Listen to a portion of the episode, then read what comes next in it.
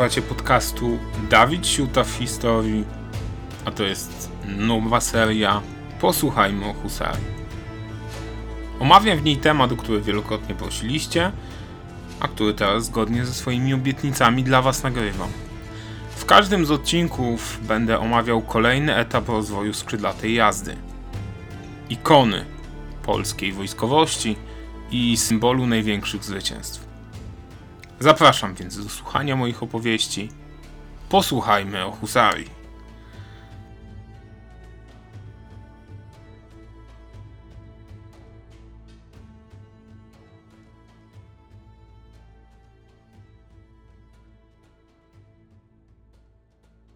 Pewnie wielu z Was chciałoby się dowiedzieć czegoś więcej o husarii. Ale rozumiem, że nie każdy ma czas i ochotę czytać opasłe tomiszcza czy długie artykuły. Dlatego mam dla Was ten podcast. Dawid Siuta w historii. Posłuchajmy o husarii.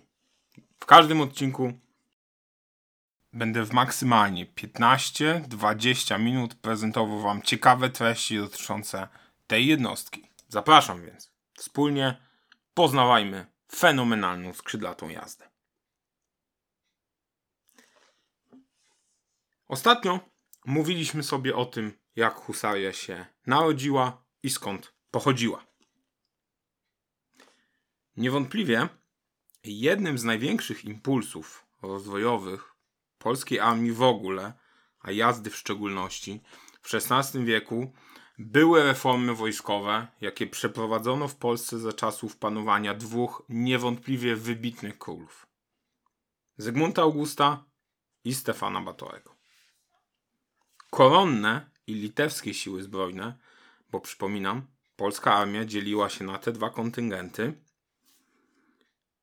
składały się w większości z jazdy. I nie było to niczym dziwnym, zważywszy na czynniki, o których mówiłem w poprzednim odcinku. Jeśli ktoś nie słyszał, można sobie teraz odsłuchać. W jeździe z kolei przeważała husaria, która w pewnym momencie stanowiła nawet 80% całości kawalerii. Była to husaria zarówno zaciągu narodowego, czyli tego zmienionego już z pewnymi elementami typowymi dla polskiej sztuki wojskowej, jak i husaria węgierska, która ciągle zachowywała te elementy bałkańskie, radzkie, między innymi odznaczała się swoją lekkością. Ale reformy z czasów Zygmunta Augusta potem jakoś naturalnie kontynuowane za czasów Stefana Botorego, doprowadziły do tego, że chorągwie husarskie zostały ujednolicone i często aktami prawnymi określono ich regulaminowe uzbrojenie. Król oddzielił też zaciągi narodowe od węgierskich, grupując je w zupełnie innych oddziałach, co doprowadziło do ujednolicenia tego, co później nazywamy polską skrzydlatą jazdą. Prawdą jest, że zmiany takie nie zaszły z dnia na dzień, lecz możemy być przekonani, że znacząco i w dość szybkim tempie podniosły one morale i zdolności operacyjne średnio zbrojnej jeszcze, pamiętajmy, że taką była husaria, średnio zbrojnej jazdy. Inny ogromny wpływ na ewolucję husarii miało też formowanie z niej wojsk nadwornych królewskich, takiej gwardii, Znacząco poprawiało to tempo, w jakim wchodziły w życie zmiany, o których mówiliśmy chwilę wcześniej, w jaki wcielano w życie pewne usprawnienia techniczne, technologiczne i organizacyjne. Chorągwie te mm, niemal od razu zapanowania Zygmunta Augusta otrzymały swoisty rozkaz wyposażenia się w odpowiednie uzbrojenie i uposażenie, co przyczyniło się do tego, iż ze średnio zbrojnej jazdy, jaką była husaria za jego panowania, zaczęła ona ewoluować w kierunku jazdy ciężko zbrojnej, czyli odzianej w pancerze i pełniącą rolę taką, jak dzisiaj pełnią czołgi na polu walki. I dlatego czasami o husarii mówimy jako o pierwowzorze wojsk pancernych. Zresztą polecam moje felietony na portalu historykon.pl tam starałem się to dość w miarę logicznie usystematyzować i argumentować. Ale wracając do czasów Zygmunta Augusta i Stefana Batorego. W dokumentach z epoki możemy przeczytać, jakie były królewskie wymagania dotyczące husarzy właśnie chorągwi nadwornych, czyli tej gwardii królewskiej. Mieli oni zakładać na siebie żelazne zbroje, stawiać się na silnych i zwrotnych koniach. Oprócz tego w wykazie regulaminowym pojawiały się też żelazne rękawice, hełmy zwane szakami oraz szczegółowy spis regulaminowej broni. Podstawą siły uderzeniowej takich chorągwi nadwornych miała być kopia drewniana. Coś, co chyba wszyscy kojarzymy już z husarią właśnie. Oprócz tego rozkazy królewskie zobowiązywały husarzy do posiadania szabli, co było typowe raczej dla każdego szlachcica, ale także koncerza, rodzaj długiego miecza, czym był dokładnie koncerz można sprawdzić na Wikipedii, oraz przynajmniej dwóch pistoletów. Co ciekawe, po raz pierwszy w rozkazach tych wspomniano o piórach i innych ozdobach, czym wyraźnie zasugerowano, że służą one zarówno do okazałości, jak i dla postrachu nieprzyjaciela.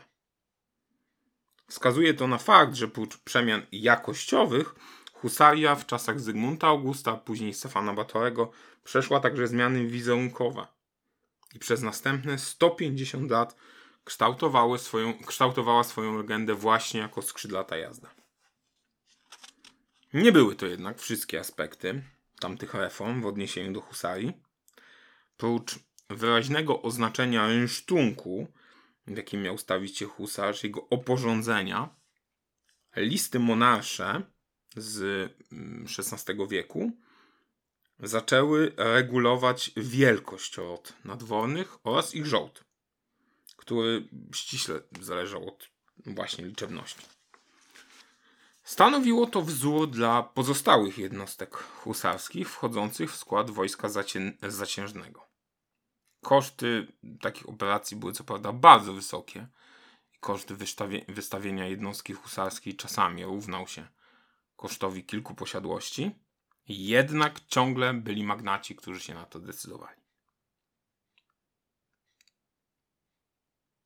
Jako zadośćuczynienie za straty finansowe, które wynikły z przezbrojenia jednostek husarskich, y, Batory podniósł żołd żołnierzom służącym w tej jednostce. Zaproponował zasłużonym towarzyszom pierwszeństwo przy obsadzaniu stanowisk i urzędów, co samo w sobie już było łakomym kąskiem. Miał to być też czynnik, który zachęciłby szlachtę do służby po usarsku w jednostce, co do której Stefan Batory miał naprawdę nieliche oczekiwania, z którą wiązał naprawdę śmiałe nadzieje. Chciał uczynić ją najpotężniejszą jednostką jazdy ówczesnej Europy.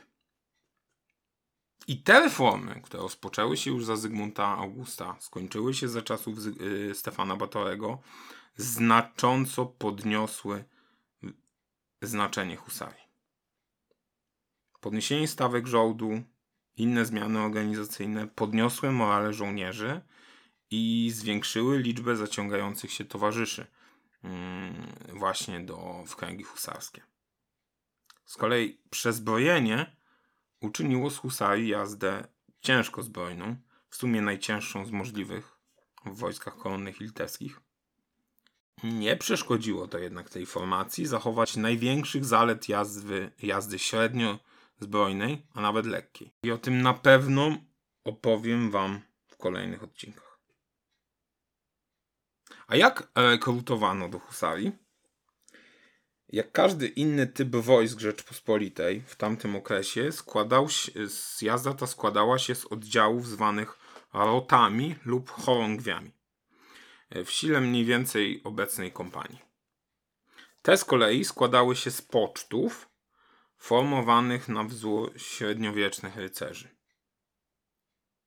Zamożny szlachcic, którego stać było na wystawienie pododdziału, takiego pocztu, zaciągał się do husarii jako towarzysz. Następnie dobierał sobie pocztowych, czyli szeregowych żołnierzy, zwykle dwóch lub trzech, sam pełnił w pododdziale, czyli w chorągwi, rolę zbliżoną do dzisiejszego podoficera. Ponadto ustawy wojskowe zobowiązywały go do zakupienia wyposażenia, uzbrojenia i koni dla całego swojego pododdziału, czyli tego pocztu. Z wyjątkiem kopii, bo kopię miał dostarczyć rotmistrz, czyli dowódca tej chorągwi. Odbiciem tej hierarchii towarzysz jako podoficer, pocztowy jako szeregowy było ustawienie husarzy w szyku bojowym.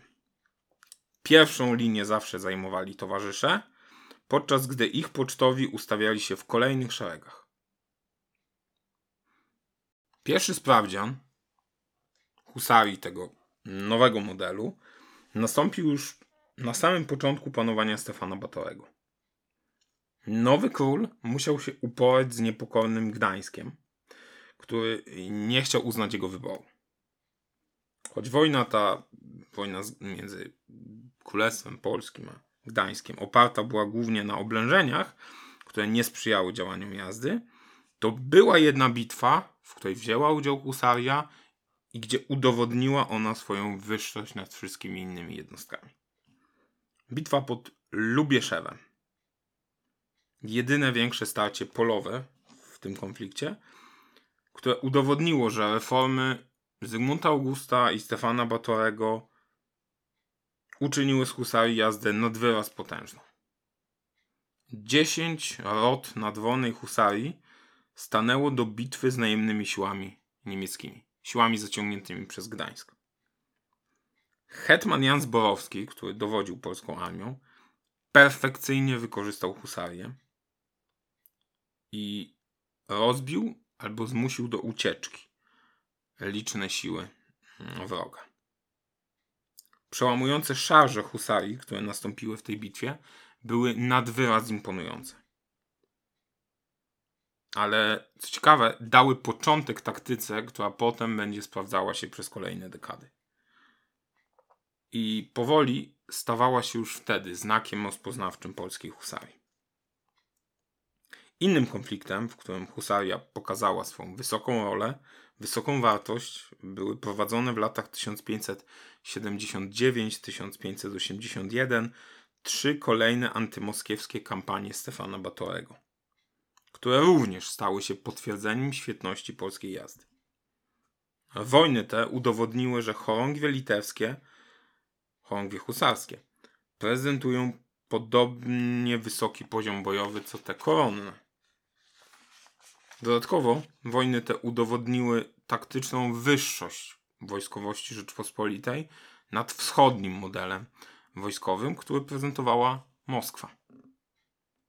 Jednak konflikt ten pokazał też to, co później stanie się najpoważniejszą bolączką polskiej husarii. Udowodnił ponad wszelką wątpliwość, że z pomocą samej jazdy nie da się wygrywać wojen. Nawet jeśli będzie to jazda tak znakomita jak husaria. Bo pomyślmy, czym były wojny antymoskiewskie Batorego? Tak naprawdę były to konflikty, które sprowadzały się głównie do oblężeń. Wymagały więc wysokiej ilości piechoty. Zapotrzebowanie to, co prawda, wtedy znalazło odbicie w stanie etatowym wojsk, bo w ostatniej ćwierci XVI wieku możemy zaobserwować wzrost liczebności piechoty, głównie tej wybranieckiej, ale ciągle nie były to ilości wystarczające.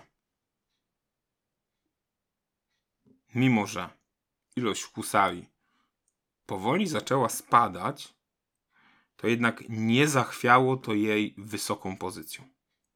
Do końca panowania Batorego jazda husarska rozwijała się w wyznaczonym reformami kierunku. Ale epoka jej największej świetności miała się dopiero rozpocząć. I na tym ta opowieść dobiega końca. Mam nadzieję, że przypadła Wam do gustu. Dajcie mi znać, co o niej myślicie. Piszcie, zachęcam, zostawcie lajka, możecie nawet zasubskrybować zarówno kanał na YouTubie, jak i ten podcastowy. A jeśli chcecie, znajdźcie mój fanpage na Facebooku. Będzie mi bardzo miło móc z wami podyskutować. A o czym powiemy sobie za tydzień? Poruszymy kolejny etap historii Husarii. Zachęcam bardzo. Posłuchajcie o Husarii. I do usłyszenia w kolejnym odcinku.